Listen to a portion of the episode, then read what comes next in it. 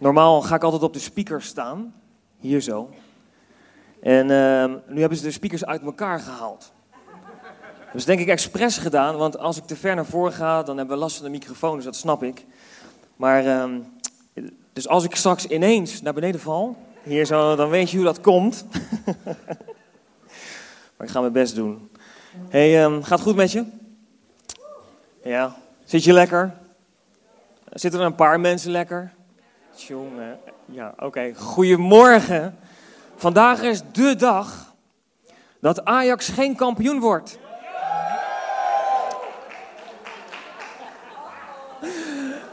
Bizar hoe blij mensen kunnen zijn met. Hè, sorry? Uh, dat laten we even in het midden. Volgende week wordt Feyenoord bekerwinnaar. Dat is in elk geval dan. Misschien moeten we daar nog even voor bidden, zo af en toe. Je weet het nooit, hè. Maar ik begrijp dat Feyenoord optimaal is voorbereid. Ze zijn zelf op trainingskamp geweest. Dus ik heb er alle vertrouwen in. Ik geloof wel dat het eh, goed gaat komen. Uh, maar goed, in Rotterdam in elk geval mag iedereen kampioen worden, behalve 020. Toch? Oké, nou goed. Hey, dat uh, laten we even in het midden. Vandaag wil ik het met je hebben over de kerk als the Grace House. En hoe toepasselijk is dat? Als je zoveel wrok hebt richting 020, is er misschien iets waar we het over moeten hebben vandaag. Toch? Nou goed, nee, dat, ook dat laten we even in het midden. Maar The Grace House. We zijn met elkaar een serie begonnen, een nieuwe reis. We hebben onze serie Rooted afgesloten een aantal weken geleden. We hebben een fantastische paasdienst gehad. En vorige week is Wendy begonnen en heeft een aftrap gedaan van onze nieuwe serie Ik ben de kerk. En vandaag wil ik het met je hebben over The Grace House. De kerk mag en moet een plek zijn vol van grace.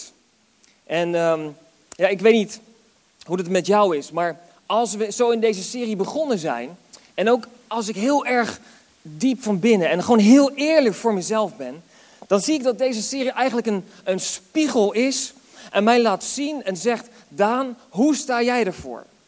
Als we zeggen, ik ben de kerk, dan is mijn vraag eigenlijk, ben ik eigenlijk wel de kerk? En als ik me zo aan het verdiepen ben in al deze teksten, in hoe God spreekt over de kerk, over hoe we kerk mogen zijn, hoe hij, dat, hoe hij dat bedoeld heeft en de voorbeelden die Jezus gebruikt. Ik moet eerlijk zeggen dat het voor mij best confronterend soms is. Dat ik zeg tegen mezelf, Daan, hier moet ik nog groeien. Hier moet ik echt nog een stap zetten. En misschien is dat bij jou ook wel zo. En ik zeg dit om je te bemoedigen. Om te zeggen tegen je, haak niet af. Haak niet af als er een klein beetje iets stevigs voorbij komt. Of als we een tekst erbij pakken waarvan je het liefste zou zeggen, scheur eruit. Staat die wel echt? Nee, in mijn Bijbel staat die niet, zeg je dan. Weet je, misschien kom je wel zulke situaties tegen. En ik wil je bemoedigen om dat niet te doen, maar gewoon te ontvangen en met mij samen, met ons allemaal, deze reis aan te gaan. Weet je, ik moest terugdenken aan een hele lange tijd geleden. Ik heb ik uh, gevoetbald in uh, nou, ik zou zeggen een blauwe maand. Dat was ook weer niet zo, want ik had, was er stellig van overtuigd dat ik keeper zou gaan worden bij uh, profkeeper of iets dergelijks. Ik had boeken verzameld en ik ging echt mezelf verdiepen in hoe je een, het beste keeper kon zijn. En ik heb ook een aantal keer in jeugdelftallen wel in het eerste gespeeld, dus het was, was een leuke tijd. Maar ik, ik, zat in mijn tienertijd en in je tienertijd ja, ontwikkel jezelf, kom je allerlei dingen ook voor jezelf tegen. En een van de dingen die ik echt moest overwinnen um, was onzekerheid. Dat is nog steeds wel één hoor, ik ben af en toe onzeker. Echt waar, ik sta hier zo en ik vind het fantastisch dat jullie hier zijn. En Um, eigenlijk meer genade van de Heer dat we hier staan. Want als je mij echt kent en als je mijn achtergrond kent, en dan zeg je: Wauw, wat heeft de Heer gedaan? Laten we het daar maar op houden.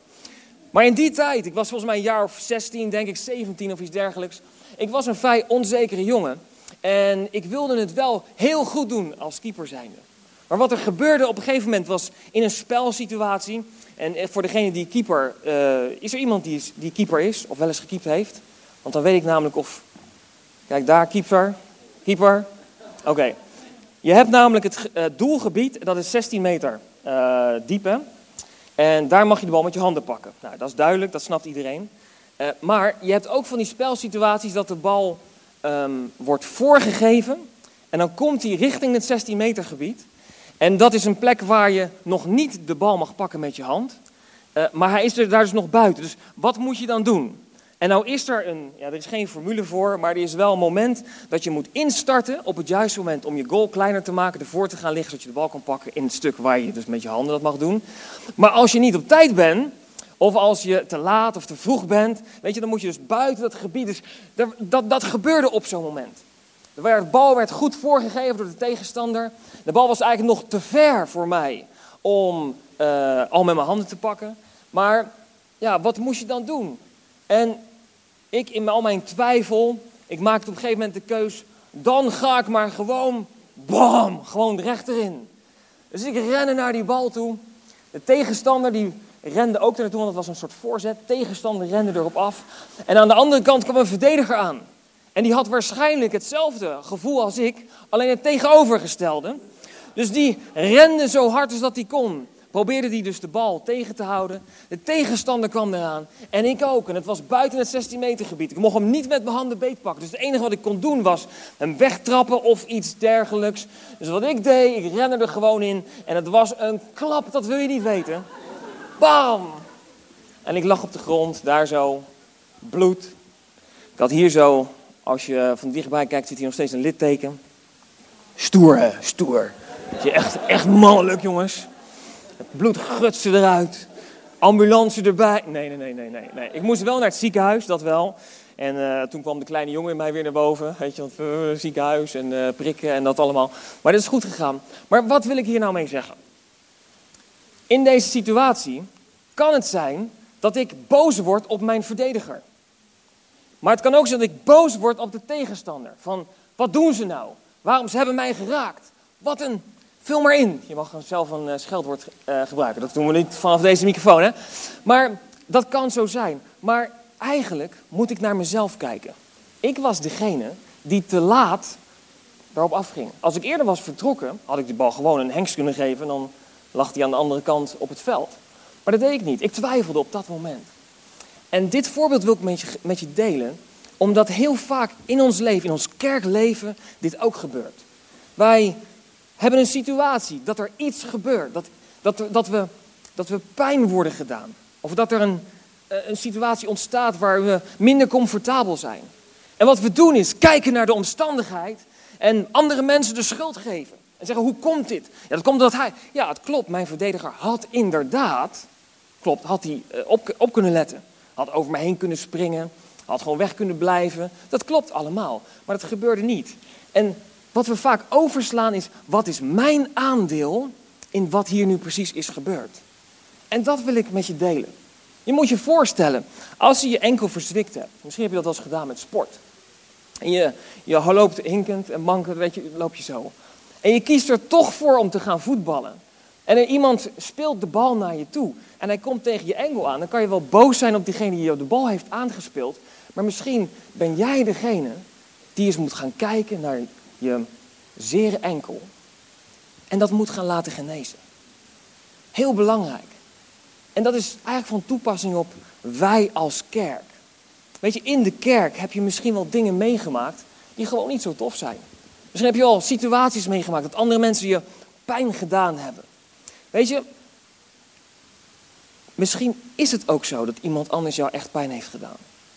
Maar misschien is het ook wel zo dat iemand anders Ehm, eigenlijk gewoon was zoals hij was, zoals hij altijd al was. Maar dat het bij jou extra gevoelig aankomt. En dan is het goed voor jezelf om eens te kijken van oké, ik zit nu in een situatie, iemand zegt iets tegen mij of er gebeurt iets. Waarom? Die vraag kan je jezelf stellen. Waarom raakt mij dit nou zo? En deze vraag geeft dus niet automatisch dat, dat je uh, alles maar moet accepteren. Begrijp me niet verkeerd, hè? Dat is niet wat ik nu zeg. Wat ik nu zeg is, waarom raakt die situatie mij zo? Waarom raakt, raken die woorden van die en die persoon mij zo? Waarom raken die woorden specifiek van die persoon en niet van iemand anders mij zo? Als het goed is en je gaat hier voor jezelf mee aan de slag, het zal je echt helpen. Het zal je echt verder brengen. Het zal je sterker maken. Het zal je een, een volwassener persoon maken. Absoluut. Maar ik weet, het is een reis. En het is niet, dit gaat niet zonder slag of stoot, want nog steeds, je staat op die zere enkel. En dat gaat natuurlijk maar zo. En het doet pijn je wil niet op die kant staan. Dat snap ik. En daar hebben we Jezus voor nodig. En ik geloof dat de kerk een plek is. En daarom hebben we het vandaag ook genoemd. De Grace House. Dit mag een plek zijn waar we fouten maken en waar we elkaar helpen, waar we elkaar verder helpen in ons leven met Jezus. ik wil eerst een beetje terugkijken naar een paar dingen die Wendy vorige week ook al heeft, uh, heeft gedeeld over ja, wat betekent dat nou precies kerk zijn. Maar voordat we dat doen, spreek ik nog één gebed uit. Lieve Jezus, dank u voor vandaag en dank u Heer voor deze heerlijke atmosfeer van aanbidding en van verwachting. En ik bid op dit moment, Heer, dat iedereen die hier is, Heer, dat ons hart open zal zijn om te horen wat u wil spreken. En ik bid, Heer, dat in het woord dat we delen, Heer, dat uh, voor iedereen een persoonlijke bemoediging zal zijn. Heer, dat er iets zal zijn wat we meenemen naar huis straks. Helge Geest, u weet exact waar we zitten op dit moment. Wat we nodig hebben. Heer, welke stappen we moeten zetten in ons leven. Heer, welke moeilijkheden we doorheen gaan, welke vragen we hebben. En Helge Geest, ik bid op dit moment dat u tot ons spreekt. Als onze harten open zijn in Jezus' naam. Amen. Hey, de basistekst van Ik ben de kerk, uh, die halen we uit 1 Korinthe 12. En er staat, ons lichaam bestaat uit vele delen, maar al die delen samen vormen één lichaam. Zo is het ook met Christus. Dus het voorbeeld gewoon van een menselijk lichaam wordt aangehaald naar de kerk. Want de geest heeft ons allemaal tot één lichaam samengevoegd. Het lichaam van Christus. U bent het lichaam van Christus en ieder van u is een deel van dat lichaam. Hoe mooi is dat? Wij allemaal zijn deel van het lichaam van Jezus. Wij allemaal. En als we een volgende tekst erbij pakken. Um, Efeze 2, vers 19. Zo zijn jullie niet langer vreemdelingen. En dan staat: jullie horen bij het volk van God en het gezin van God. God heeft ons in een gezin geplaatst, in een familie. Wij als kerk mogen een gezin zijn, een familie zijn. En weet je, ik geloof in de wereldwijde kerk, 100%.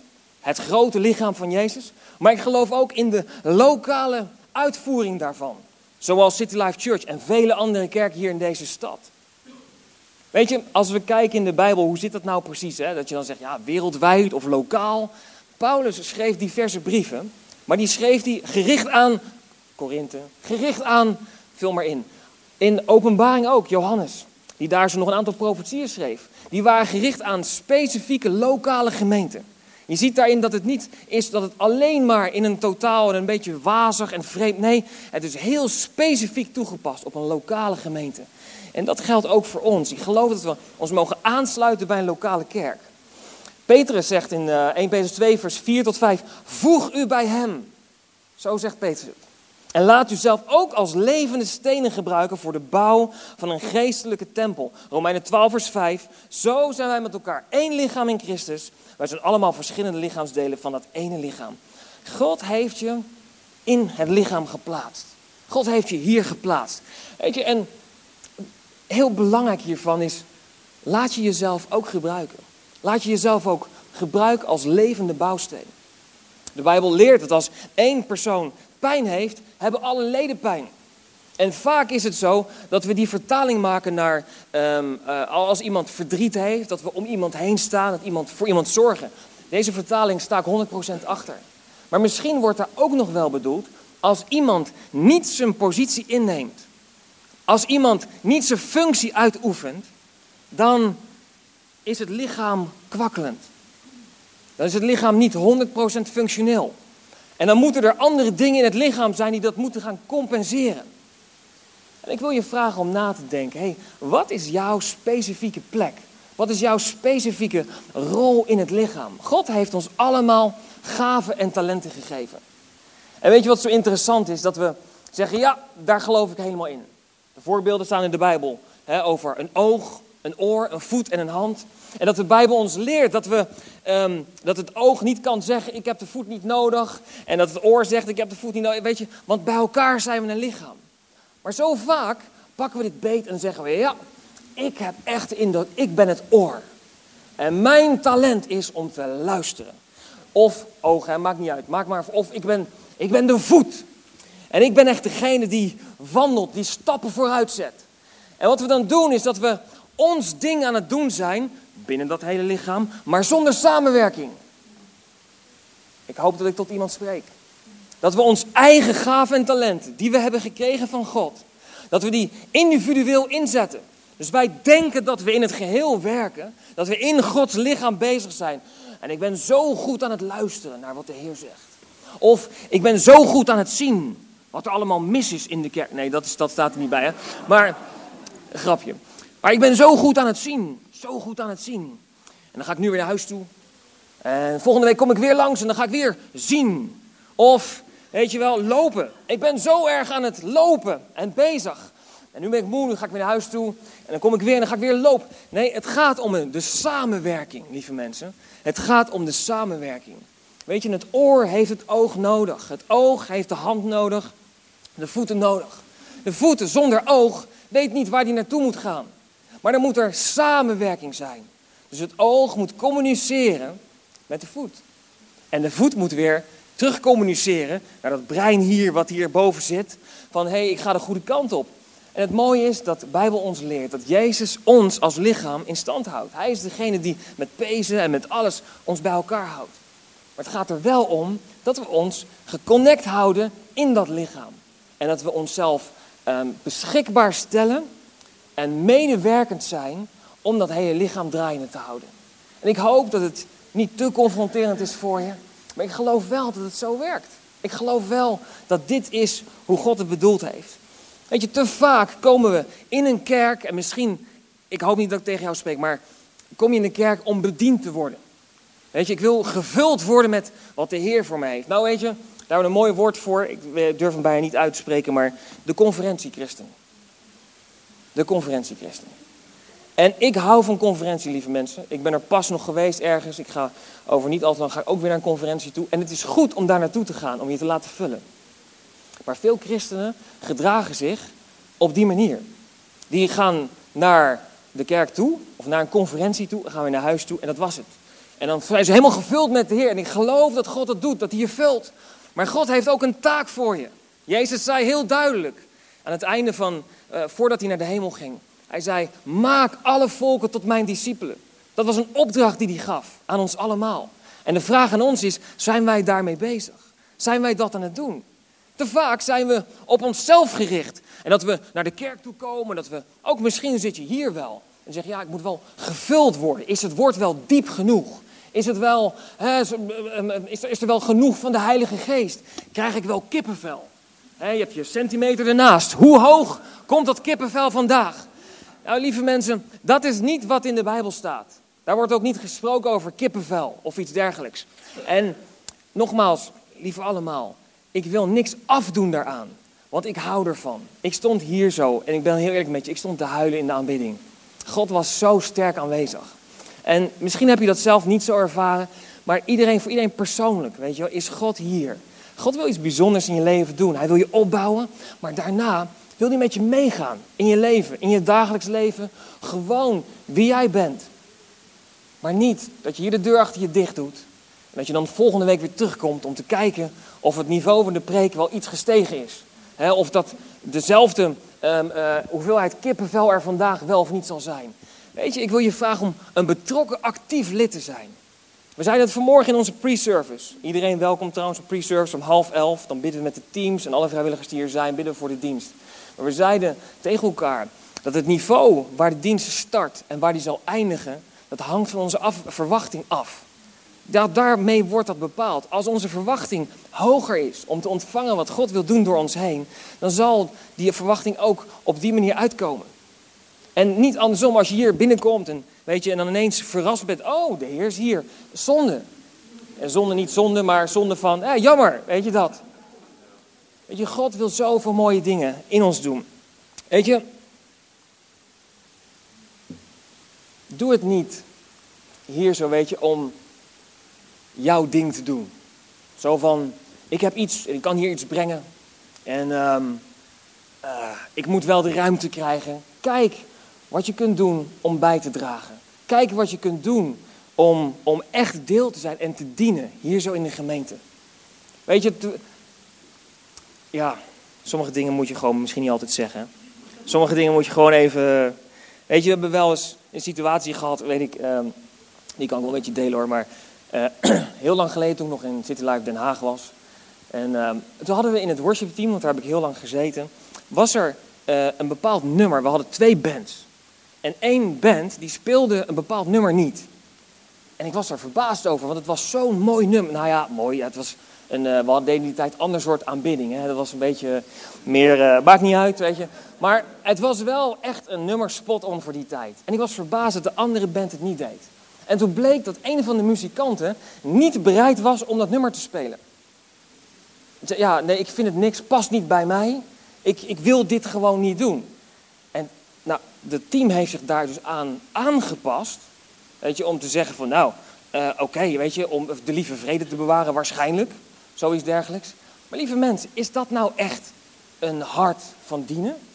Als je zegt van, ik kom hier zo om mijn ding te doen. Dit is mijn stijl muziek. Ik weet dat in ons worship team, en ik ben trots op om dat te zeggen, dat dit niet het geval is. Er zijn mensen waarvan ik weet, en ik ga geen namen noemen, maar dat mensen hun persoonlijke muziekvoorkeur aan de kant zetten en die zeggen, ik kom hier om God te dienen, om deze kerk te dienen. En ik vind dat zo mooi. Weet je, als we het erover hebben, het ontroert me. Omdat ik weet dat het soms ook echt iets kan kosten van iemand. Maar dit is wel zoals Jezus is. Jezus heeft alles gegeven. Jezus heeft zijn hele leven, zijn goddelijkheid, heeft hij aan de kant gezet voor jou en voor mij. En kunnen wij dan niet onze muziekvoorkeur op zondagochtend aan de kant zetten? Is dat dan echt hoe, hoe wij, lieve mensen, proberen te kijken met wat God je gegeven heeft en hoe je daar zo mee de kerk weet je, en zijn huis kan dienen? Ontzettend, ontzettend belangrijk. Want als je dat niet doet, dan zal het uiteindelijk alleen maar over jou gaan. Dan ben je daar zo. En dan is dat dus, in de, als we even het voorbeeld van de muziek even aanhouden. Je komt daar zo en je zegt, nou ik wil alleen deze muziek spelen. Wat zegt dat nou eigenlijk? Dat zegt eigenlijk dat je op jezelf gericht bent. Dat het alleen maar om jou gaat. Als ik mijn ding hier maar kan doen. En hoe getalenteerd je ook bent, hoe goed je ook bent, halleluja daarvoor, maar dat is niet het hart van Jezus. Jezus was heel goed in heel veel andere dingen en toch heeft hij zijn leven afgelegd. En toch heeft hij gezegd, ik ben een servant king. Ik ben een dienaar. Weet je, Ben heeft een aantal punten vorige week genoemd en uh, een van die dingen is eenheid. Ontzettend belangrijk, Efeze 4 vers 3. Span u in om samen binnen de kracht van de vrede de eenheid te bewaren die de geest u geeft. Eén lichaam, één geest. Het is een opdracht in de Bijbel. Een opdracht, heel duidelijk, om eenheid te bewaren. En hoe doe je dat nou? Dat is, staat in de Bijbel duidelijk. Om de ander hoger te achten dan jezelf. Dat betekent niet dat je jezelf in die zin minder moet vinden. Want dat is ook niet zoals God het ziet. Maar je moet in de zekerheid en in de sterkte waar jij staat, kan je zeggen, ik zet mijn eigen voorkeuren opzij en ik ga hier zo dienen. Ik ga iemand anders dienen. Dat is zoals Jezus dat deed. Jezus ging niet slechter over zichzelf denken. Want ik ben toch wel een minderwaardig mens. Dat deed Jezus niet. Maar is vaak hoe wij dat wel interpreteren. Dus dat hoeft niet, lieve mensen. Absoluut niet. Weet je, de Bijbel leert ons heel duidelijk hoe we met elkaar moeten omgaan in 1 Korinthe 13. En 1 Korinthe 13, het liefdeshoofdstuk, jullie kennen hem waarschijnlijk wel, wordt altijd, nee niet altijd, vaak gebruikt bij bruiloften. Maar de context daar hebben we hem weer. We hebben het vaker gehad over context, ontzettend belangrijk. De context is hoe wij als christenen met elkaar moeten omgaan. In het hoofdstuk daarvoor, daar hebben we net een stuk over gelezen. Staat heel duidelijk hoe Jezus kijkt naar het lichaam. En het gaat verder. En dan staat er dat over de gaven die God gegeven heeft, over nou, allerlei gaven, je kan het lezen. En dan zegt hij, maar ga je nu één ding vertellen, zegt Paulus, wat nog veel belangrijker is. En dan komt het hoofdstuk over de liefde. En daar wordt niet gezegd dat het gaat over de man en de vrouw. Het is heel goed om het ook tussen de man en de vrouw zo te houden. Weet je, geduld en uh, vriendschap, weet ik veel, liefde, nou, dat maakt niet uit. Maar, maar de context is absoluut 100% hoe wij als mensen met elkaar moeten omgaan. En dan komt die spiegel weer, ook bij mij. Zeg, uh, oké, ben ik echt zo vergevingsgezind? Ben ik echt zo geduldig? Word ik ook echt niet boos? Kan ik het laten gaan? Kan ik iemand anders hoger achten dan mezelf? Weet je, kan ik dingen accepteren, incasseren?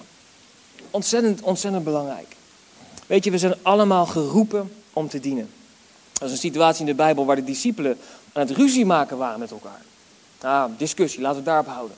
Maar dat ze met aan elkaar vroegen van, hé, hey, wie is nou de belangrijkste? En er gebeurden allerlei dingen omheen en Jezus ging, ehm, eh, deed allerlei wonderen en hij nam een aantal discipelen ook, uh, een beetje een kleine groep discipelen nam die mee en er gebeurden bijzondere dingen. En toen gingen de discipelen met elkaar spreken over, hey, wie is nou eigenlijk de belangrijkste? Wie zou er naast Jezus mogen zitten? Wie zou de lieveling zijn van Jezus? En Jezus had het door. En hij zei toen heel sterk in Marcus 9, vers 35: Wie de eerste wil zijn, moet de allerlaatste zijn en iedereen dienen. Moet iedereen dienen. Wauw, dat is wel echt heftige stuff, man. Want als je daarover nadenkt, moet je iedereen, iedereen dienen. Hoe werkt dit nou precies? Hoe werkt de Bijbel? Is, in het Nieuwe Testament schijnt dat er 60 keer voorkomt over, dat er teksten staan over dienen. Ik denk dat Jezus ons leert en ons duidelijk maakt dat dienen een belangrijk en essentieel onderdeel is in ons leven. Het staat in Filippenzen 2, ik weet niet of die op de beamer komt, volgens mij niet namelijk. Maar Filippenzen 2, vers 2 tot 5. Er staat, maak mij volmaakt gelukkig, dat is wat Paulus zegt, door eensgezind te zijn. één liefde, één in streven, één van geest. En handel niet uit geldingsdrang of eigenwaan. Maar acht in alle bescheidenheid de ander belangrijker dan uzelf. En heb niet alleen uw eigen belangen voor ogen. Je, je mag wel ook op jezelf letten, absoluut. Het staat hier in de Bijbel. Absoluut. Maar ook die van een ander. En laat onder u de gezindheid heersen die Christus Jezus had. Wat is nou die gezindheid van Jezus? Wat is nou hoe Jezus dat deed? Ik denk dat we hem terug kunnen brengen. Eigenlijk heel simpel. Jezus heeft zijn leven afgelegd. Hij heeft het allerhoogste, het allermeeste gedaan. Hij was niet schuldig. Hij had helemaal niets verkeerd gedaan. Maar hij werd beschuldigd van allerlei dingen. Hij werd geslagen, geschopt. Jezus hing aan het kruis. Hij was, kapot gemaakt. Maar weet je, in ons leven komt het nog wel eens voor, en misschien herken je dat ook wel. Ik moet daar nu ineens aan denken. Dat we een situatie krijgen dat we ons leven van Jezus gegeven hebben. En dat we een goed leven gaan proberen te leiden. En dan komt er zo'n moment dat je toch weer fouten maakt. Dat je toch weer fouten maakt. En dan voel je dat van, van binnen. En dan denk je, ja maar, en nu? Hoe moet dat nu verder? En je gaat proberen je best te doen. En steeds meer je best te doen om geen fouten te maken en een goed leven te hebben. En misschien heb je wel zo'n uitspraak gehoord als elke keer. En ik hoop ernstig bij je te kijken. Elke keer als jij een zonde begaat, is het alsof jij opnieuw Jezus aan het kruis slaat. Heb je dat misschien wel eens, je geen hand op te steken. Misschien heb je dat wel eens gehoord. Lieve mensen, dat is niet waar. Dit is niet waar. Jezus heeft geleden, 2000 jaar geleden, zodat het voor nu en voor altijd klaar is. Hij hoeft niet opnieuw aan het kruis. Weet je, dat is een verkeerd evangelie. Als je, alsof je nu Jezus opnieuw zou moeten offeren. Als hij opnieuw weet je, aan het kruis zou moeten. Dat is absoluut niet waar. Alleen in ons werelds leven om ons heen werkt het vaak anders. En daar proberen we dingen goed te doen. En dan komt er een volgorde van, je moet goed doen. En vanuit goed doen, dan komt er misschien meer genade. En van daaruit um, komt er misschien meer geloof. Of misschien is hij omgedraaid. Je zegt van, ik moet goed doen. En van daaruit ontstaat er meer geloof in de Heer. En dan zal ik meer genade ontvangen om bij hem uiteindelijk in de hemel te komen. Lieve mensen, is omgedraaid. Het begint bij genade. En vaak slaan wij dat over als een soort fase. Dan zeggen we, ik geef mijn leven aan Jezus. Stap 1. Fase 1. En als dat dan geweest is, dan sluiten we dat af. Dat is misschien ook de reden dat veel mensen nog niet actief zijn in hun geestelijk leven. Omdat ze het gevoel hebben dat ze nog iets moeten afsluiten. Dat ze nog een, een, een stadium door moeten voordat ze een volgende stap kunnen gaan zetten. Lieve mensen, genade is een fundament en het is een organisch fundament wat aan het groeien is. Constant. Want hoe meer fouten we maken, hoe meer genade we krijgen. Hoe groter ons fundament van genade wordt. Hoe meer we dat gaan begrijpen en hoe meer we andere mensen daarmee kunnen helpen. En een zegen kunnen zijn voor andere mensen. Vanuit genade ontstaat geloof. Hé, hey, God houdt echt van mij. God is echt goed voor mij. En van daaruit ontstaat goede dingen. Ons leven met Jezus gaat niet over een soort gedragsaanpassing. Weet je, ik zal eerlijk met je zijn. Wij als kerken moeten oppassen dat wij niet een soort um, uh, self-help cursussen geven op zondagochtend. Zo van how to be a good Christian. Of seven points to. Ik hou van seven points to, lieve mensen. Ik hou er absoluut van. Maar de basis moet zijn Jezus, zijn genade en het evangelie. En van daaruit kan er van alles ontstaan. Van daaruit kunnen we zeven tips krijgen hoe je dan die genade kan toepassen. Bijvoorbeeld. Maar dat is wel de basis. De genade van Jezus is, is de basis. En als Jezus in ons leven komt, dan is het niet zo dat hij ons regels oplegt met hoe wij moeten zijn. Nee, Jezus geeft ons genade. Alleen maar meer en meer. Van binnenuit veranderen we dan en gaan we steeds meer op hem lijken.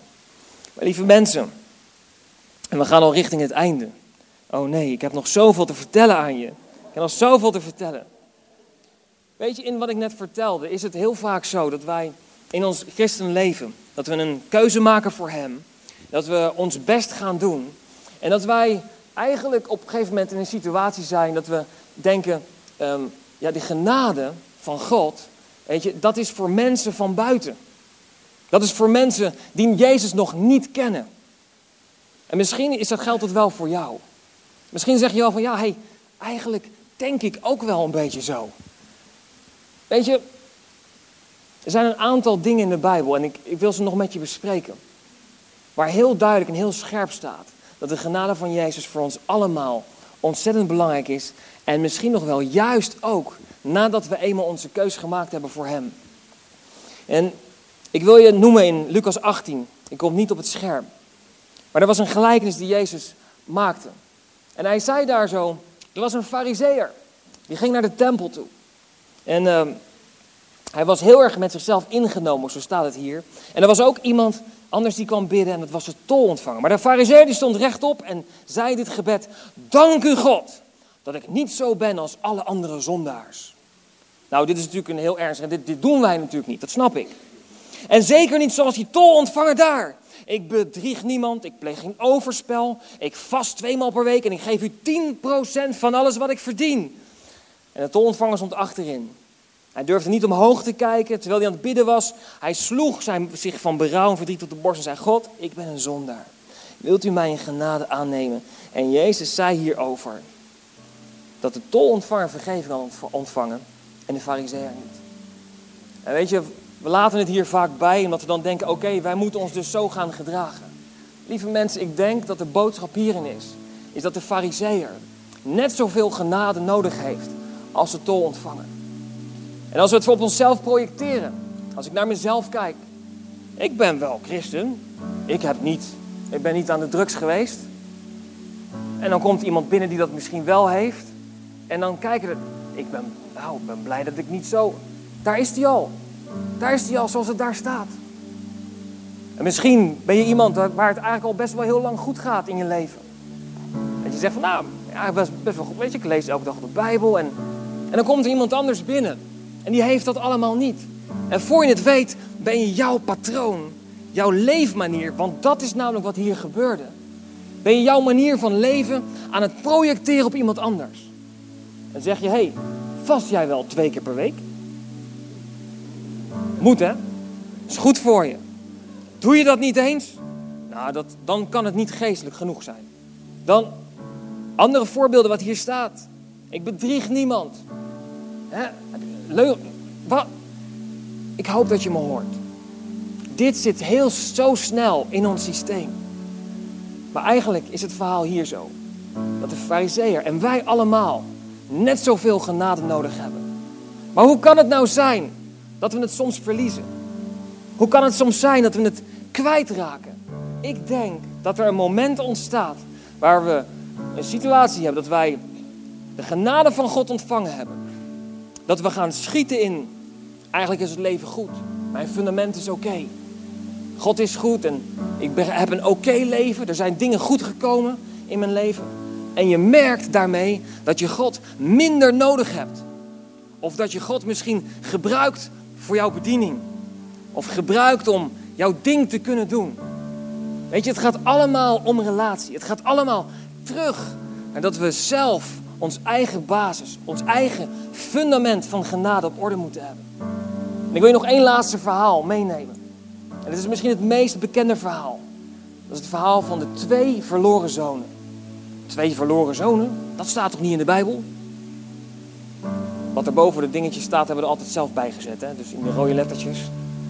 Maar het verhaal vertelt ons over twee zonen die allebei verloren waren. En we zien hier in het verhaal de passie van Jezus.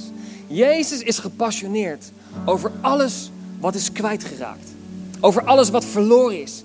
En de gelijkenis, hij staat in, um, in, in, eh, in Lucas 15. Je kan hem thuis voor jezelf nalezen. En eerst was het verhaal over de honderd schapen. Waarvan er eentje kwijtraakte. En wat deed Jezus? Hij liet ze allemaal in het verhaal. Hij liet ze allemaal achter, alle 99. En ging die ene zoeken. Dat is de passie van Jezus. Hij zoekt alles wat kwijt is geraakt. Het tweede verhaal was over die vrouw die een stuk geld kwijt was geraakt. En dat was niet eens zo'n heel bijzonder groot bedrag, geloof ik. Pin me er niet op vast. Als het wel zo is, excuses, vergeef mij mijn theologische achtergrond. Maar er was één stukje geld was ze kwijt. En wat ze deed, het hele huis ondersteboven halen. En uiteindelijk gaf ze een feest toen uh, ze het geldstuk terug had gevonden. Maar dit is tekenend. Hoe gepassioneerd Jezus is om mensen te vinden. Om mensen die kwijtgeraakt zijn, die zoek zijn, die Hem niet kennen. Die uiteindelijk op dood afsteven. In hun leven hier zo, of later, uh, wel of niet hemel. Jezus is gepassioneerd over dat. En dan komen we bij het laatste verhaal. Wat gaat over de twee verloren zonen. Het eerste verhaal ken je waarschijnlijk wel. De jonge zoon, de jongste die zegt, vader geef mij mijn spullen. Ik ga erop uit. En dat deed hij.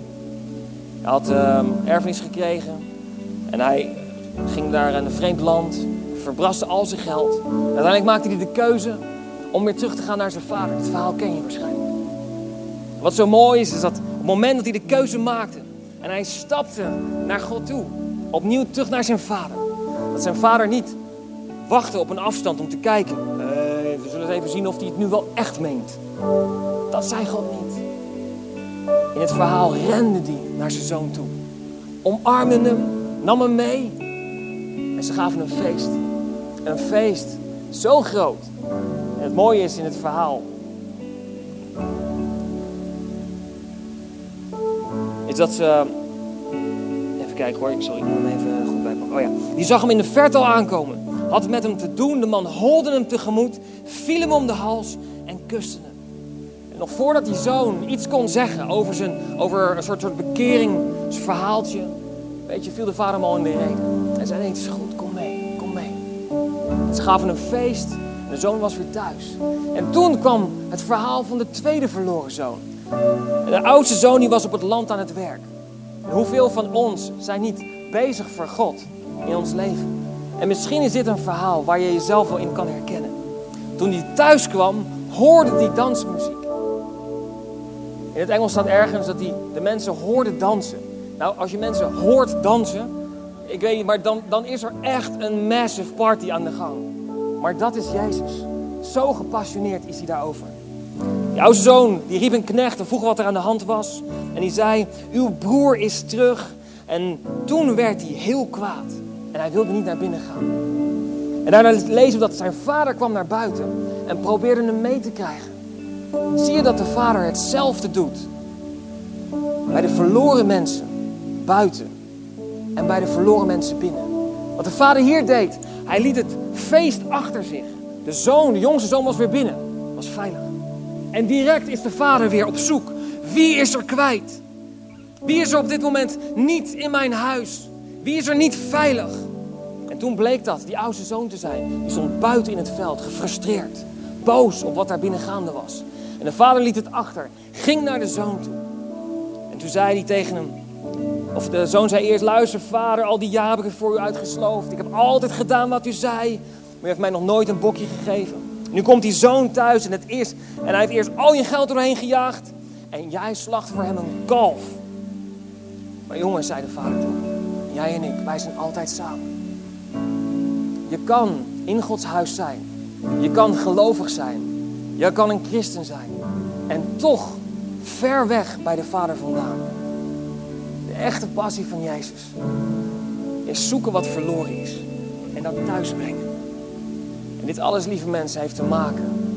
Zijn wij in staat in onszelf om de genade van God, die we eenmalig ontvangen hebben, om die elke dag te ontvangen? En te zien dat wij Hem elke dag nodig hebben. Dat er niet een fase is die we afsluiten. En waarna we een nieuwe fase ingaan van nee, dat we elke dag genade nodig hebben. Dat als er dan een situatie is in de gemeente, als je een moeilijke situatie krijgt, dat je ook kan vergeven. Dat je iemand anders kan vergeven en kan vrijzetten. Als iemand boos tegen je geweest is, de verkeerde dingen heeft gezegd. Oh lieve mensen, als ik gesproken heb, ook zoals vandaag, weet je, dan ga ik naar huis toe. Dan denk ik, oh, wat heb ik gezegd? Welke voorbeelden heb ik gebruikt? Ben ik niet te direct geweest? Heb ik misschien iets te persoonlijks gezegd? Lieve mensen, als ik je ooit gekwetst heb, excuses vanaf deze kant. Absoluut. Dat is niet zoals God het wil. Absoluut niet. Maar vaak weet je in ons leven is het zo dat wij ons oordelen op basis van wat we gehoord hebben van andere mensen, wat iemand gezegd heeft. Snap je nog? Deze zin is al moeilijk, maar zo is het ook. Zo vaak gebeurt dat. Dat we een oordeel hebben, of dat we boos zijn op iemand of op een situatie. Omdat er iets gezegd is en dat heb je gehoord van iemand anders. Nou, als dat zo is, dan. Dat komt dan vaak voor. Weet je, ik wil je de vrijheid geven. Als je iets hebt gehoord over mij, over Wendy, over ons ski-team, waar je vragen over hebt, zeg van hoe zit dat precies? Laat me je helpen, laat me je de context uitleggen. Context, ontzettend belangrijk. Maar alles komt terug bij onszelf. Dus we gaan staan met elkaar. Alles komt terug bij onszelf. Zijn wij zo ver dat we denken, wij hebben God niet nodig. Ik heb eenmaal genade gehad en ik ga nu een goed leven leiden. En dat we steeds verder bij God vandaan raken. Dat we voor hem aan het werk zijn, misschien hard in de kerk bezig voor allerlei dingen. Maar die connectie met de Vader aan het missen zijn. Eén resultaat van een connectie, van een groeiende connectie met Jezus, is dat we gepassioneerd raken waar Hij voor gepassioneerd is. En dat is alles wat verloren is thuisbrengen. En ik hoop en ik geloof voor je dat deze genade die Jezus voor iedereen heeft, dat je die tot in lengte van dagen in heel je leven mag ervaren. Ook op dit moment, waar je misschien denkt, oh, ik voel het eigenlijk niet zo. Het gaat eigenlijk best goed zo met mij. Ik hoop dat je mag ervaren, mag weten dat er nog zoveel meer is wat God voor je heeft. Maar dat alles begint in een fundament van genade. Waarna we kunnen groeien in ons geloofsleven. En van daaruit kunnen we mooie dingen gaan doen voor Hem. Dus we bidden. Lieve Jezus, dank u voor vandaag, Heer. En Heer, ik heb veel dingen gezegd. En er zijn ook veel dingen die ik nog niet heb kunnen zeggen. Maar dit alles draait om U. Lieve Jezus, om wat U heeft gedaan voor ons. En ik bid, Heer, dat iedereen die hier is, heel sterk en heel zeker mag weten dat ze bij U veilig zijn. En dat U ons omringt en doordrenkt met genade. Met Uw liefde op dit moment in Jezus' naam. Elke geest wilt U door de rijen gaan. En dat U ons raken, Heer, waar het nodig is. U kent, Heer, onze situaties waar we zijn op dit moment. De keuzes die we moeten maken. De moeilijke dingen die we meegemaakt hebben. Ik bid, Heer, dat we niet zullen schieten in een werkhouding. Heer, of in een werkrelatie met U. Waarin we dingen gaan verwachten. Dat we er wel recht op hebben. Maar ik bid, Heer, dat we heel dicht aan Uw hart mogen blijven. En dat we keer op keer elke dag opnieuw mogen ervaren dat U van ons houdt. Dat U genadig met ons bent. Dat ons fundament in U van genade zal groeien. Elke dag opnieuw. Ik bid, Heer, dat we dat mogen uitleven. En dat dat een leven zal zijn wat steeds groter en groter mag worden. Wat rijker zal worden met meer van U. In de naam van Jezus.